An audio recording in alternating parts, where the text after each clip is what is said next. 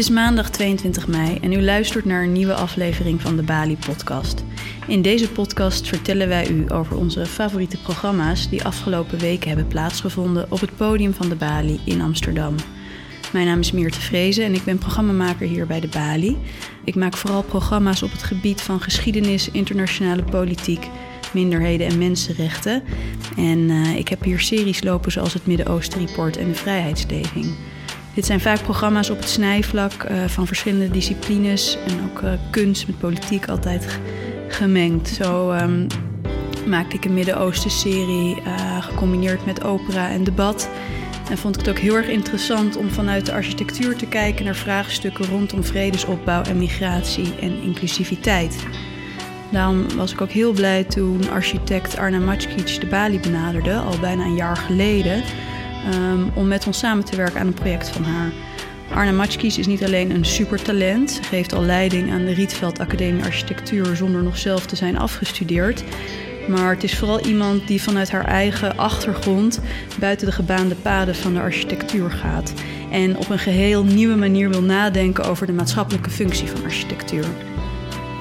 En we besloten samen de serie Tweeluik Inclusive Cities te maken. En we blikken nu eerst terug op het eerste programma op 6 april, waar we keken naar de rol van architectuur in post-conflictgebieden. Hoe bouw je een land of een stad hierop nadat niet alleen alle gebouwen en de hele infrastructuur is verwoest, maar ook de sociale cohesie, de social fabric van een stad is vernietigd? En vervolgens wilden we kijken of er lessen zijn te trekken, of misschien anders gezegd parallellen zijn te trekken, tussen die, tussen die steden die zich na een oorlog weer moeten opbouwen en steden die door grote veranderingen qua samenstelling van de bevolking zich ook weer opnieuw moeten uitvinden. Nou, speciaal voor deze podcast is Arna Matskic vandaag ook hier. Welkom Arna, fijn dat je er bent. Dankjewel. En voordat we samen uitgebreid gaan vooruitblikken op het uh, tweede programma op 2 juni, kijken we eerst terug op de eerste aflevering uh, van Inclusive Cities. Uh, het was een hele interessante avond voor een uitverkochte zaal. Uh, met ook zeer positieve reacties achteraf. Klopt het, Arne, dat zelfs iemand zijn baan opzij na deze avond? Ja, klopt. En die, had een, uh, die heeft een nieuw bedrijf uh, opgezet, Inclusive Connections. Om vluchtelingen te koppelen aan, aan stageplekken en bedrijven. Wauw. Nou, dus um, kom vooral, maar wees niet bang dat u daarna misschien drastische, levensveranderende stappen neemt. Um, ja, we waren daar in de balie. De balie zag er anders uit dan normaal. Uh, we zagen op de achtergrond zagen een ontwerp van Arna... van hoe zij de nieuwe brug van Mostar voor zich zag in Bosnië-Herzegovina. We zagen een marktkoopman uh, zijn spullen verkopen in de ruïnes van Aleppo. En op het voorpodium hadden we een publieke ruimte gebouwd... met bankjes, struiken, een lantaarnpaal en een heuse prullenbak... Um, Arne, waarom vond je het belangrijk om in deze setting dit gesprek te voeren? Nou, ik heb eigenlijk het idee, en dat ben ik nog, uh, nog aan het testen, dat er misschien een ander gesprek kan ontstaan als de setting ook anders is. Uh, dus op het moment dat we het hebben over publieke ruimte, dat het dan ook fijn zou zijn om in een setting um, ja, die de publieke ruimte representeert. Om, het, om dan ook in die setting ons te bevinden en dat gesprek te hebben. En je houdt veel lezingen overal, uh, door het hele land. Had je het gevoel, nu je daar in je mini-stad zat op je bankje, dat het een ander effect had dan achter een katheder? Ja, heel ander gesprek. Ja.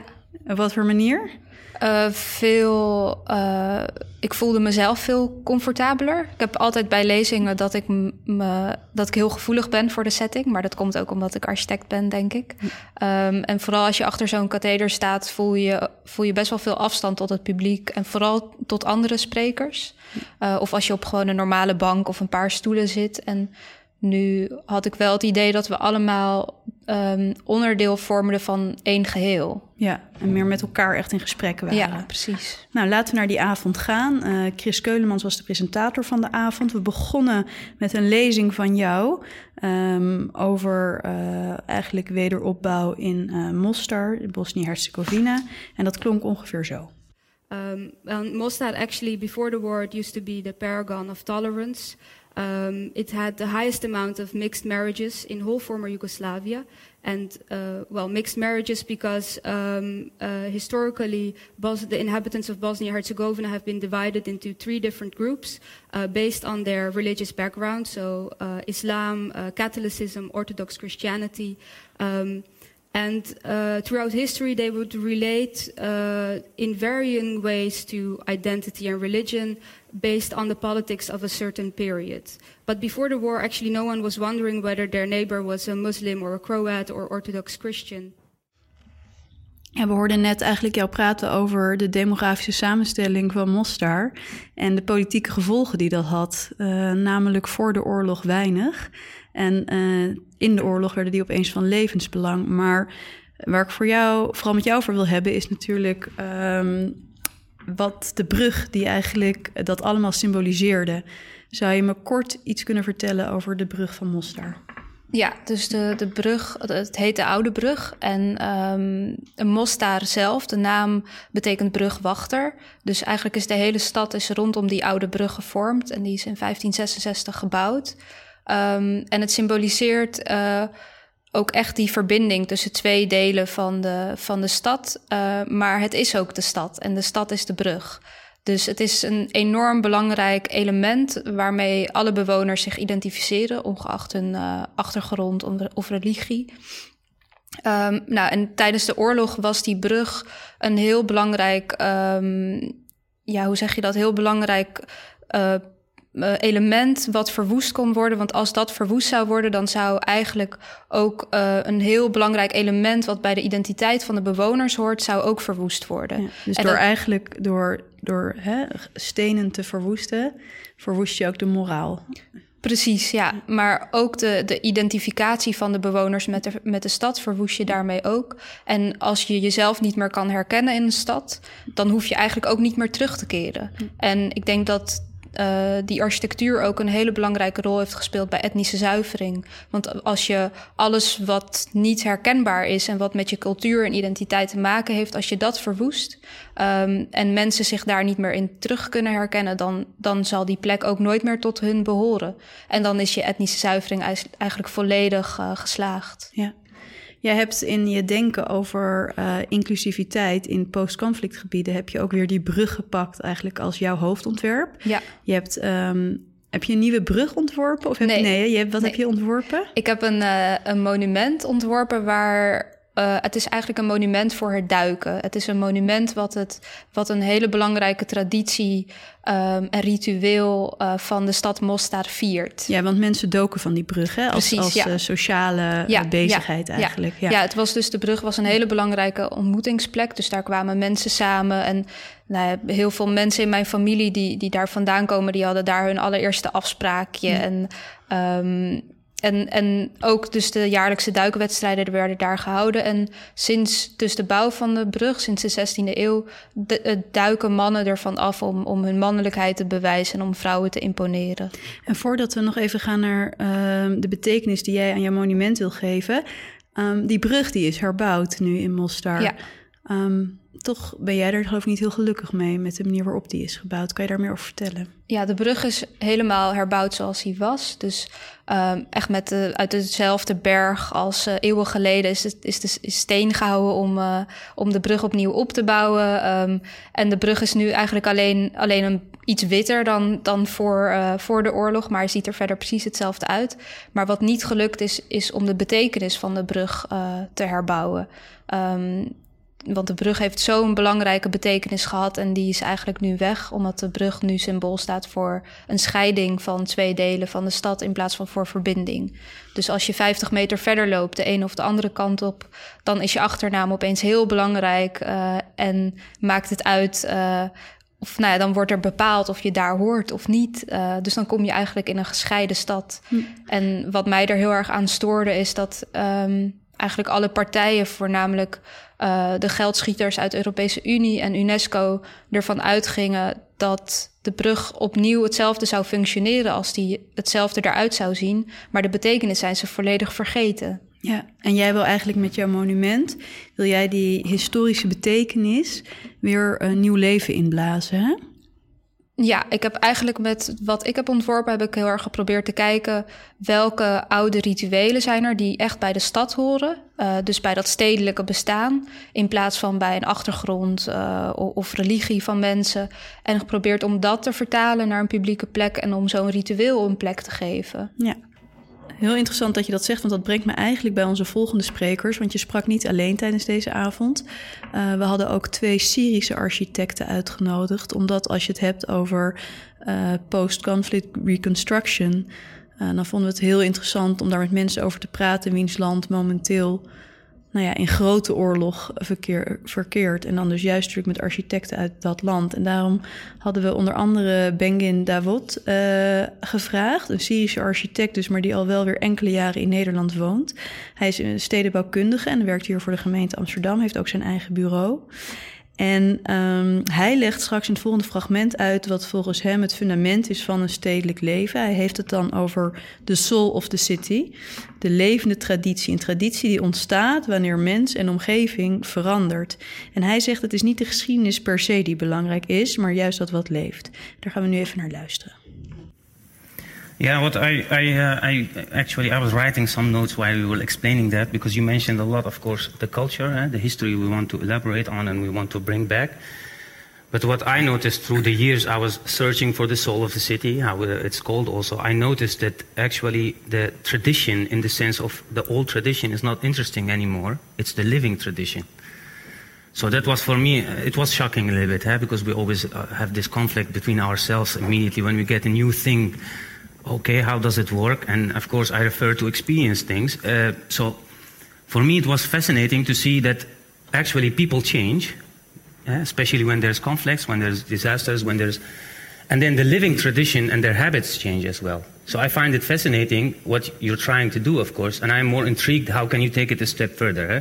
How can it be pushed further than only, I mean, this is a tradition in Mustar, jumping from the bridge, showing this power. But what's the new tradition which might connect? Overvielde jou met dat statement toen, toen live op dat podium? Ja, wel een beetje. Omdat ik, uh, ik wist ook niet zo goed meteen hoe ik er antwoord op moest geven. Maar ik denk nu ik er weer naar luister dat ik het wat beter begrijp. Uh, hij is ook op zoek inderdaad naar um, ja, wat voor nieuwe uh, levende tradities zijn er dan. Um, maar ik denk dat het voor mij is het heel erg belangrijk om het te hebben over steden die, die, die nou eenmaal bestaan hebben of nog steeds bestaan en die dan verwoest zijn. En hoe ga je dan om met herinneringen die er, die er zijn of zijn geweest? Um, en tradities. En tradities zijn meestal wel dingen die niet, niet zomaar verdwijnen. Ja, maar, um, maar eigenlijk zegt hij dus van... zou het niet zo kunnen zijn dat na een oorlog de traditie van het samen van die brug springen, dat de mensen inmiddels zo zijn veranderd dat die traditie daar eigenlijk niet meer bij past. Nou, dat, daar geloof ik dus eigenlijk niet in, omdat zo'n traditie heel erg past bij, bij het stedelijk leven um, en niet bij een, een, een, een blik die je hebt op de wereld, die uh, om je heen is veranderd. Uh, en ik moest eigenlijk ook heel erg denken aan um, aan een man die ik laatst heb gesproken.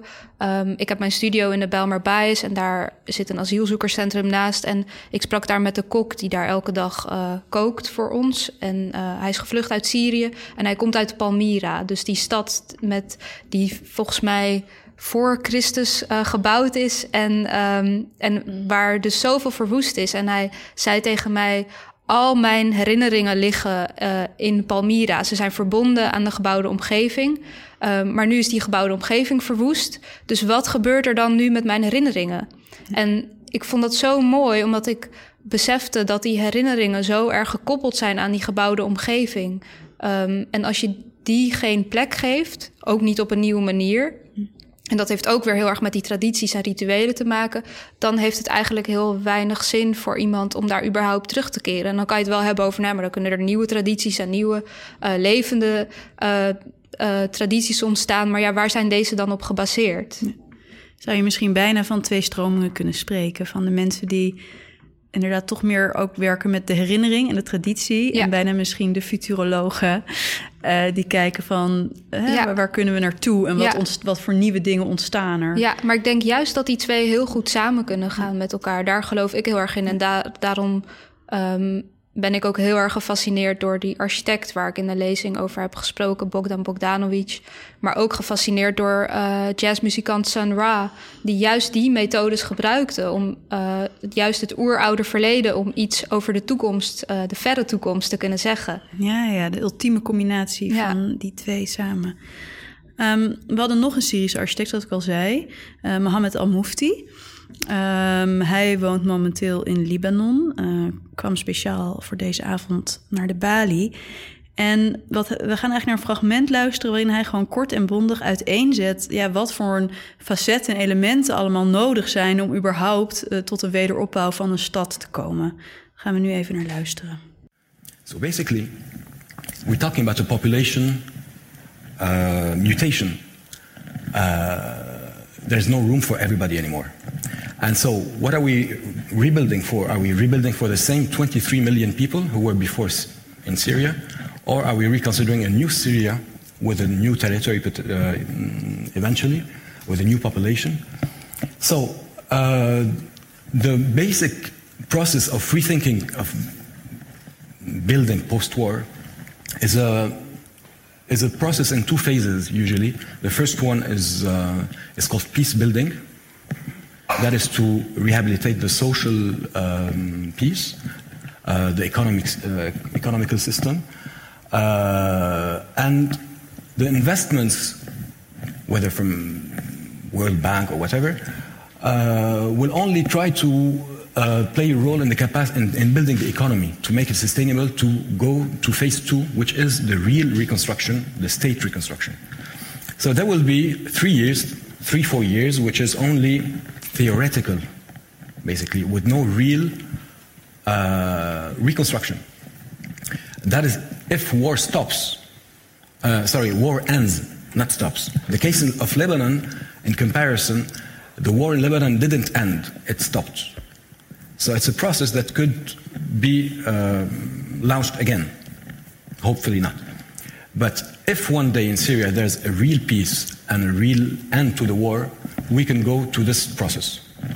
Uh, so the first one is up to three, four years. The second one is the one we're going to talk. We're not going to talk about actually, which is the reconstruction, the physical reconstruction of of the country. But the outcome of the, of the first phase is the main indicator of what Syria will be.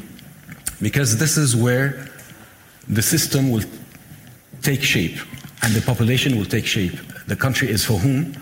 Who's the, what's the new system like ruling the, the, the country? Uh, what are the targets? What, are, what is the vision? Is it in the same territories or divided or redistributed, etc.? So, depending on the outcome of the first phase, we can then talk about the second phase and see who eventually is interested to rebuild. Now, the fundamentals in all this is fundamental questions is the population, who are we? If we consider the war ended tonight, uh, which is not the case. Uh, who's in, who's out, who wants to go back to Syria, and who wants to stay outside Syria? Ja, Arna, een paar dingen naar aanleiding van dit fragment van Mohammed. Ik vond het wel interessant wat hij zei over a war can stop or it can end. En daar maakt hij een onderscheid tussen.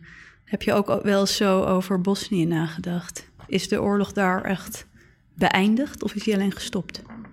Ja, ik denk dat hij, daar heb ik heel veel over nagedacht. En daar is de oorlog zeker gestopt, maar is niet voorbij, omdat ik het idee heb dat de stad, als ik dan naar Mostar kijk, waar ik me vooral op heb gefocust, is dat de stad na de oorlog juist van binnenuit nog verder is uh, vernietigd.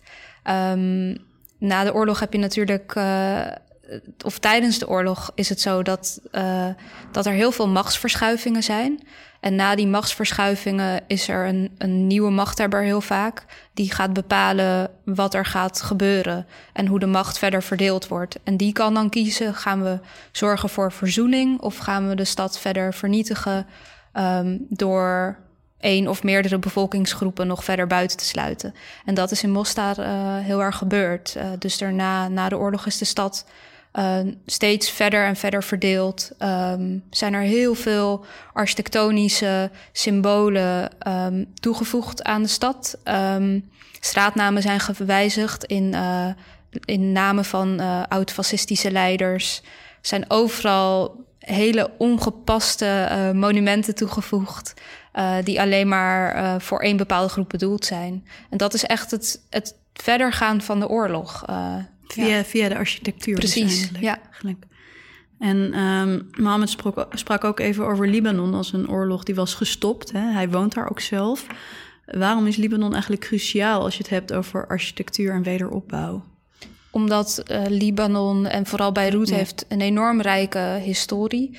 Um, en er wonen heel veel verschillende bevolkingsgroepen die nu um, aan de ene kant dus ook nog steeds bezig zijn met die reconstructie van de oorlog, maar tegelijkertijd bestaat een vierde van de bevolking van Libanon uit vluchtelingen uit Syrië. Dus ze hebben ook te maken met een enorme stroom vluchtelingen, net zoals dat uh, veel West-Europese landen dat uh, hebben, maar zijn nog in, in vele grotere uh, getallen. Um, en ik denk dat wat er in Beirut gebeurt, dat het ja, dat, dat we daar heel zorgvuldig naar moeten kijken, hoe, hoe die processen verlopen en dat we daar ook heel erg veel van kunnen leren. Ja, wat ik interessant vond om ook nog te horen is um, dat op het moment dat zo'n stad wordt herbouwd, dan komen er allemaal financiële investors uh, komen eigenlijk binnen. En uh, er is geen interesse eigenlijk dan voor de publieke ruimte, hè, omdat er geen geld aan uh, te verdienen is. Met als gevolg in Libanon dat er eigenlijk, of in Beirut, dat er eigenlijk geen publieke ruimte meer is. Um, zie je dat ook, uh, is dat ook in Mostar gebeurd?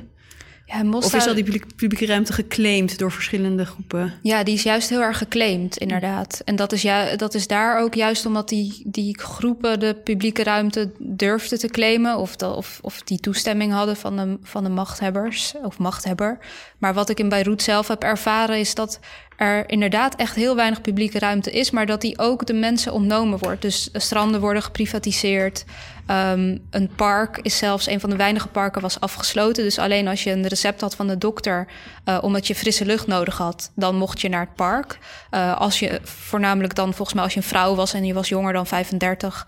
Um, en dat heeft denk ik ook heel erg ermee te maken om je bewoners, of om de bewoners heel erg uh, klein te houden en hun zelfverzekerdheid nog, nog lager te maken door ze gewoon super weinig ruimte te geven en ook letterlijk geen lucht uh, te geven. Ja.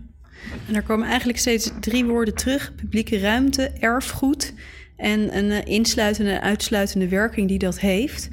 Um, daar zal ook het hele tweede programma over gaan. Maar in het eerste programma durfden we toch al ergens die brug te slaan. Namelijk een brug via van Mostar via Aleppo naar Amsterdam.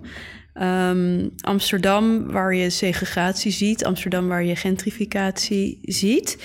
En um, nou, ten eerste stelt Chris Keulemans de vraag dan aan Mohammed Al-Mufti of het wel ja, überhaupt gepast is om de vergelijking te maken. Uh, ik geloof dat tijdens het programma waren net weer de gifgasaanvallen van het Assad-regime uh, bekendgemaakt. Dus iedereen voelde daar ook een klein ongemak bij. Um, Kunnen we die vergelijking maken, ja of nee? Daar, daar gaat Mohammed Mufti wat over zeggen en jij reageert er vervolgens op. Gaan we nu naar luisteren. But is it, how do you say, is it ethical to look at this with the same serious concentration that we were just looking at Beirut, Damascus, Aleppo? Um, I just want to make sure. I think the everything is, impo- is, is important, but uh, you cannot treat all these subjects with, um, I think, with the same emergency or the same priority. Uh, in Beirut, nobody's dying. Here, nobody's dying. Uh, in Syria, the chemicals are being dropped on people. So it's a different, I think, context. War is still there. Here, there are, uh, I don't know well Amsterdam, but eventually there are maybe uh, uh, urban problems, etc that can be fixed without blood, without any revolution, without mm. anything. It could yeah. be just a smart uh, intervention. And... Ja. ja, wat ik daar. Um, wat ik daarop wil zeggen is dat uh, wat heel bijzonder was. Ik was in Beirut um, en daar was ik uitgenodigd door een, een, een museum uit, uit Stockholm. Um, en in Beirut heb ik Mohammed ook ontmoet, dus daar heb ik hem leren kennen. En ik was daar uh, uitgenodigd samen met de directeur van het Rijksdienst voor Cultureel Erfgoed uit Zweden, Kaisar Mahmoud, die ook in het tweede programma komt spreken. En wat ik merkte is dat we ons alle twee zo erg herkende in, in Beirut en in die. Ehm, ik herkende me natuurlijk heel erg in, in die stad, omdat het verwoest was, uh, omdat er heel veel mensen gevlucht waren. Er, er heeft etnische zuivering plaatsgevonden. Ik, vond het heel herkenbaar met, met mijn uh, geschiedenis. Maar tegelijkertijd um, ook met de vele vluchtelingen uit Syrië die er waren. Um, kon ik ook meteen een, een, parallel trekken met Nederland. Van hoe zit het dan met vluchtelingen die in Nederland aankomen? En dan tegelijkertijd was Keizer daar, die als uh, Pakistaanse immigrant uh, naar Zweden is gekomen en in Beirut Zweden representeerde. En ik als uh, vluchteling uit Bosnië in Nederland is gekomen en die in Beirut Nederland representeerde. Dus er ontstond een hele rare situatie van totaal verschillende mensen, maar die juist doordat ze zo'n um, ja, vreemde geschiedenis hebben waarbij ze soort van ontworteld zijn geraakt, zich wel in Beirut konden uh, terugherkennen. Um, dus ik vind het eigenlijk helemaal geen raar idee om die situaties met elkaar te vergelijken. Omdat het... Is daar voor jou het zaadje gelegd om te denken van... hey, kunnen we misschien van dit soort gebieden leren in uh, westerse steden? Ja, zeker. Ja, ook omdat ik voor toen voor het eerst merkte dat mijn, ik, mijn, mijn verhaal... Uh, wat met Mostar te maken heeft... Um, zag ik altijd als iets heel persoonlijks. Van ja, wie, wie staat daar nou op te wachten? En uh, waarom is dat nou belangrijk voor, voor mensen in West-Europa of, uh, of andere steden? Maar in Beirut merkte ik heel erg dat mensen het juist daar heel erg fijn vonden om een herkenbaar verhaal te horen. Um, wat in een ander land plaatsvindt, maar wat net zo bizar is en net zo langzaam gaat. Um, dus het deed mensen daar juist heel erg goed. En tegelijkertijd had ik daar heel veel gesprekken met Keizer uh, en waarmee hij bezig is in Zweden. Hoe kunnen we de betekenis van dat erfgoed, Zweeds erfgoed, openstellen? Uh, zodat ook nieuwkomers, die dus misschien wel uit de landen zoals Libanon en Syrië um, komen. Hoe kunnen we de betekenis openstellen voor, voor, deze, voor deze nieuwkomers in ons land? Ja. En moeten zij zich dan de hele tijd gaan aanpassen of moeten wij de betekenis aanpassen? Moet het van beide kanten komen? Welke methodes zijn er?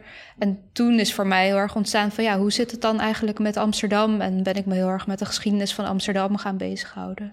Ja, en dat is dus, daar gaan we het over hebben op 2 juni bij het programma Shared Cultural Heritage en in Segregated Cities. Een hele mond vol.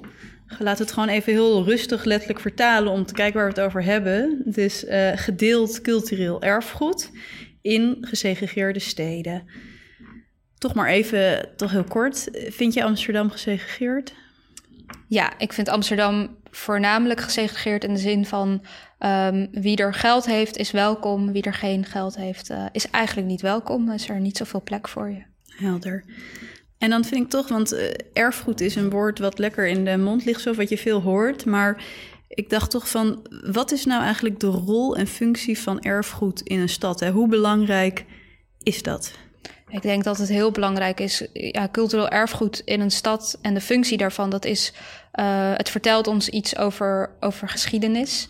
En belangrijke geschiedenis. Geschiedenis waarvan we denken van dit heeft zoveel waarde, dit moeten we benadrukken. Maar ik denk ook dat het los daarvan dat het ons aanknopingspunten kan geven, zodat we ons ertoe kunnen verhouden. Denk je ook dat je eigenlijk je pas bewust wordt van erfgoed op het moment dat het niet jouw erfgoed is? Daarmee bedoel ik van als iemand die misschien in Amsterdam is geboren, over de dam en de grachten loopt, dat hij nou niet even denkt van goh, ik wentel mij in mijn, mijn eigen erfgoed. Maar dat als je daar rondloopt en je bent ergens anders geboren en je herkent je er niet in, dat het dan opeens een rol speelt. Ja, ik denk ook dat het uh, een, een, rol speelt op het moment dat het erfgoed er niet meer is. Ja. Dat je dan al die aanknopingspunten kwijt bent. Dus je wordt je er pas bewust van, van het belang ervan, of als het verdwijnt, of als je het niet herkent of resoneert met je eigen geschiedenis. Is dat? Ja, dat denk ik ook. Maar ik kan me ook heel goed voorstellen dat als je uit Amsterdam komt en uh, in Amsterdam geboren bent en je met je opa en oma over de grachten loopt en je die allemaal allerlei verhalen vertellen over wat zij hebben meegemaakt op plekken en wat voor betekenis die gebouwen hebben in historische zin, dan ga je er ook over nadenken. Dan heeft het ook uh, betekenis voor je. Dus erfgoed, um, als ik het begrijp, geeft ook een, geeft een gevoel van ergens thuis horen. Zeg ik dat goed? Uh niet per se thuis horen, maar het geeft je het gevoel, denk ik, dat, dat een stad veel ouder is dan dat jij zelf bent. Yeah. Um, en dat het al veel langer bestaat en dat er vele andere mensen zijn geweest die er gebruik van hebben gemaakt. En dat, dat jij maar een klein deeltje bent in dat, um, in dat veel en veel grotere tijdsframe waarin die gebouwen dus uh, bestaan. ja, dus het, het maakt je heel duidelijk onderdeel van een grotere geschiedenis. Ja, precies. Nou, en dan, ehm, het heet, programma heet Shared Cultural Heritage, dus het is gedeeld erfgoed. En op dit moment eh, zeg jij van, is veel, is veel erfgoed in Nederland en Amsterdam is nog niet gedeeld. Ehm, wat bedoel je daar precies mee? Ja, ik bedoel ermee niet per se dat het niet gedeeld is, maar dat er ehm, een eenzijdig verhaal verteld wordt over het erfgoed. Dus um, Kan dat. je een voorbeeld geven? Van, eh, Nou, bijvoorbeeld eh, de, de Amsterdamse grachtengordel, waar we wel heel erg het verhaal van de Gouden Eeuw benadrukken, maar niet de donkere kanten van, eh, van die tijdsperiode vertellen. ja, van de slavernij. Precies. Ja. Ja. Ehm, ja, dat is een heel concreet voorbeeld. Er komt natuurlijk ook iemand, eh, Jennifer Tash, komt daarover spreken. Want wat zij eigenlijk heeft gedaan, is volgens mij ook waar jij naartoe wil werken. Namelijk hoe maak je erfgoed, eh, hoe verbreed je eigenlijk de betekenis daarvan? Kan jij meer vertellen over hoe Jennifer Tash dat heeft gedaan? Ja, zij heeft dus de eh, Black Heritage Tours, waarin ze tours geeft aan bewoners van Amsterdam of van daarbuiten. eh, en langs allerlei gebouwen gaat en plekken die, ehm, die ook een ander verhaal hebben. En wat ze doet, ze vertelt niet een, per se een ander verhaal, maar ze vult het verhaal aan met haar perspectief en het perspectief van vele andere mensen. Dus ze laat je eigenlijk vanuit een ander perspectief kijken naar die gebouwen. En dat is een perspectief die niet in de media heel veel aan bod komt. eh, of in de ja, PR-campagnes van, eh, van de stad Amsterdam. Ja, helder. En ehm, hoe zorg je eigenlijk dat zo'n... Op die manier stel je erfgoed open. Maar op die dat moet natuurlijk ook nog mainstream worden, neem ik aan. Heb je daar ook over nagedacht? Van hoe, hoe werkt zo'n proces? Hoe zorg je ervoor dat dat erfgoed, dat niet iedereen... Of mag, is het erg als iedereen in bepaald erfgoed zijn eigen betekenis ziet? Of moeten we allemaal dezelfde betekenis erin zien? Nee, ik denk dat dat juist het mooie is. Dat iedereen zijn eigen betekenis erin kan, kan hebben en vinden. En dat je op je eigen manier ertoe kan verhouden. Maar het is wel goed als daar soort eh, ja, aanknopingspunten bij gevonden worden. Of als, of als er bepaalde hulpmiddelen zijn. Eh, Je hebt bijvoorbeeld de Basel hier in Amsterdam, waar ook het. ehm, eh, waar heel veel wordt verteld over de geschiedenis van Amsterdam. Ehm, en waar ook ehm, eh, UNESCO, UNESCO erfgoed een, een onderdeel heeft in de, in de Basel. Die dus vertelt, ja, wat is nou de betekenis van de grachtengordel en waarom is het UNESCO? Maar dat juist op dat soort plekken ook de andere kant van dat verhaal wordt verteld. Eh, en dat er verschillende verhalen geboden worden. Eh, want het heeft niet alleen. eh, ik denk ook dat dat, we kunnen kijken naar wat, wat is nou de betekenis van het erfgoed van vele Amsterdammers. En kunnen we dat misschien een keer laten zien in plaats van alleen maar dat ene verhaal wat constant herhaald wordt. Er is ook wel veel weerzin in de samenleving tegen het openstellen van eh, dat erfgoed, nieuwe verhalen. Kan je daar iets bij voorstellen? Ja, ik kan me heel goed voorstellen dat op het moment dat je een blik van buitenaf hebt op, dat, op het erfgoed en op hetgene wat jou dierbaar is en dat verhaal wat jou altijd verteld is of wat in je, in je, in je hoofd zit, als daar een blik van buitenaf op komt, dan betekent het dat dat ook een negatieve blik kan zijn. En, eh, en dat is natuurlijk eng, want dat betekent dat er misschien wel dingen gaan veranderen. Ja. We gaan je, je introduceerde hem. Keizer Mahmoud gaat, eh, zal een lezing geven tijdens het tweede programma over dus die eh, ja, sociale functies van erfgoed. En daarna gaat hij in gesprek ehm, met Floris Alkema en hij is de Rijksbouwmeester. Eh, kan je misschien heel kort vertellen, wat is een Rijksbouwmeester? En wat maakt het ook wel bijzonder dat deze zo, nou ja, toch wel betrokken is ook bij dit programma en jouw projecten? Ja, de, Rijksbouwmeester is eigenlijk een, een architect of een stedenbouwkundige. En Floris is in dit geval beide. eh, door de overheid wordt aangesteld om eh, een visie over eh, architectuur en stedenbouw in Nederland te vormen. En hij agendeert voornamelijk. ehm, en, en adviseert de overheid. Maar wat Floris Alkemade doet, is dat hij ehm, heel erg betrokken is op verschillende manieren. Dus hij heeft bijvoorbeeld, hij vindt maatschappelijk urgente eh, issues vindt hij heel erg belangrijk. Ehm, en, op, en om daarop in te haken als architect of stedenbouwkundige. Dus hij, ehm, hij, hij maakt ook verschillende competities. Eh, nu heeft hij bijvoorbeeld voor vluchtelingenhuisvesting heeft hij een competitie uitgeschreven onder jonge architecten. Maar ehm, op dit moment ook voor ouderenhuisvesting. Dus hij, hij probeert wel uh, ja, architecten een kans te geven om op andere manieren over sociaal-maatschappelijke vraagstukken na te denken. Is dat echt wel een beetje nieuw in de wereld van architectuur in Nederland? Ja, wel voor een Rijksbouwmeester. Dat is hm. eigenlijk niet, niet eerder gedaan. Nee, en het is ook nu ook wel voor het eerst dat een Rijksbouwmeester de vraag stelt: hoe kunnen we nou um, gedeelde ruimte ontwerpen? Dus uh, ruimtes die ja, door verschillende bevolkingsgroepen gedeeld kunnen worden. En het überhaupt al stellen van zo'n vraag is eigenlijk heel belangrijk, omdat dat ook laat zien dat, we, dat er dus wel degelijk iets aan de hand is. Dus dat er ook wel iets is wat we op moeten lossen met z'n allen. Ja. Um, we gaan dan, uh, hij en Keizer gaan dus met elkaar in gesprek en met jou. Vervolgens gaan we dan luisteren naar Jennifer Tosh, die dus zal uitleggen hoe je uh, erfgoed meer inclusief kan maken. Uh, met wie gaan we dan nog meer in gesprek? We gaan ook in gesprek met Aart Oksenaar. Dat is de directeur van uh, Monumenten en Archeologie van Amsterdam. Dus hij, zijn werkplek is de Basel in Amsterdam. Dus ik denk dat het heel interessant is om te kijken... hoe, hoe, ja, hoe kijken ze vanuit Monumenten en Archeologie nou naar dat erfgoed. Want ze zien onwijs de waarde ervan in. Uh, want anders zou, zouden ze natuurlijk niet daarmee bezig zijn. Maar uh, zien ze ook het nut ervan in om, wat, om de betekenis ervan open te stellen of te verbreden? Uh, zien ze andere manieren van interpretatie van dat erfgoed voor zich? Of zien ze dat erfgoed als een vaststaand iets met een vaststaande betekenis wat we, de kom wat we in de toekomst moeten behouden? Ja. En de laatste spreekster is een uh, andere architect, Afaina de Jong. Ja, klopt. En wat doet zij? Waarom vond je het belangrijk dat zij er ook bij was? Ja, zij is ook heel veel bezig uh, met publieke ruimte. Uh, en voornamelijk ja, hoe publieke ruimte wordt uh, gevormd en wie is dan de eigenaar van die publieke ruimte? Welke, ja, welke machten en krachtenvelden zijn er allemaal? En, en, en hoe kunnen we dat eigenlijk teruggeven aan, aan de stad en aan de inwoners zelf? Ja.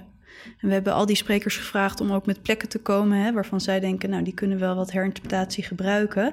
Voor mensen die dit tot nu toe misschien toch allemaal wat wollig vinden klinken, hè, uh, heropenen, inclusief. Uh, Jij kwam ooit nieuw naar uh, Nederland, niet meteen naar Amsterdam, geloof ik. Uh, waar, waar kwam je terecht? Zoetermeer. Zoetermeer. Eerst Putten en toen uh, Zoetermeer. Kan je, kan je misschien een heel concreet voorbeeld geven van wanneer jij um, je of echt niet thuis voelde vanuit de architectuur, of opeens dacht, ja, hier wel? Ja, wat ik zelf, um, waar ik later zelf achter kwam, ik ben in Zoetermeer terechtgekomen als ja, volgens mij toen was ik bijna zes. En um, toen kwamen we in een hele grote flat terecht. Een beetje Belmer uh, of Amsterdam Zuidoost-achtige omgeving. Dus hele hoge flats. Uh, knikflats worden het genoemd. Met 13 verdiepingen. En wat ik merkte was dat er, er waren nul historische aanknopingspunten. En er woonden ook helemaal geen Nederlanders, of bijna niet. Uh, dus ik wist eigenlijk helemaal niet wat dat Nederlander zijn nou betekende. Want die architectuur die liet helemaal niks, niks zien daarvan.